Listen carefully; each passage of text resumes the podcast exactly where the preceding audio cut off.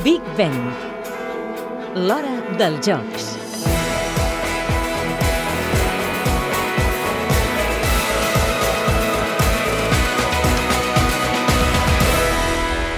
De molt, la cèntrica avinguda que porta Buckingham Palace i el seu asfalt de color vermellós. Aquests elements, que simulen una catifa vermella, conformaran el tram inicial del circuit de la prova de ciclisme en ruta dels Jocs Olímpics, un traçat pel sud-oest de Londres que analitza el ciclista català Joan Antoni Fletxa. Jo que un circuit bastant bonic, de veure, s'aproparà molta gent, coses que són importants. En quant a la duresa, jo crec que seran entre cometes fàcils i no, no hi haurà cap dificultat així com a repatxó o molt, molt dur, però sí que serà dur per la distància, sobretot, i perquè no és completament pla, no? I, i a més hi haurà carrers més estrets, vaja, serà un dia, una carrera d'un dia nerviosa i, i bueno, que de, de per si ja serà dura. Tenint en compte el relleu moderat del circuit, que correrà a casa i que és el millor sprinter del món, el britànic Mark Cavendish és el favorit indiscutible?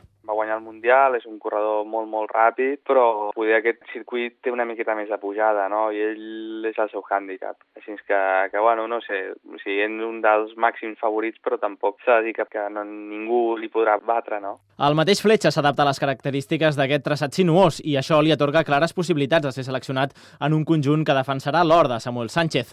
Així valora les seves opcions el català de l'equip Sky. Molt difícil, no?, perquè els corredors que tenim a Espanya són tots molt bons i, bueno, sí és veritat que, que és un circuit de les meves característiques, però tot i així és difícil, no? Jo em prefereixo concentrar-me en fer les coses bé, tenir una molt bona temporada i després, bueno, si és just que, que hi vagi, segurament ja aniré, no? La prova en línia té la particularitat que només la disputen un màxim de 5 corredors per selecció i això fa que sigui més difícil de controlar i més imprevisible. Després dels 250 quilòmetres en homes i dels 140 en dones, sortirem de dubtes.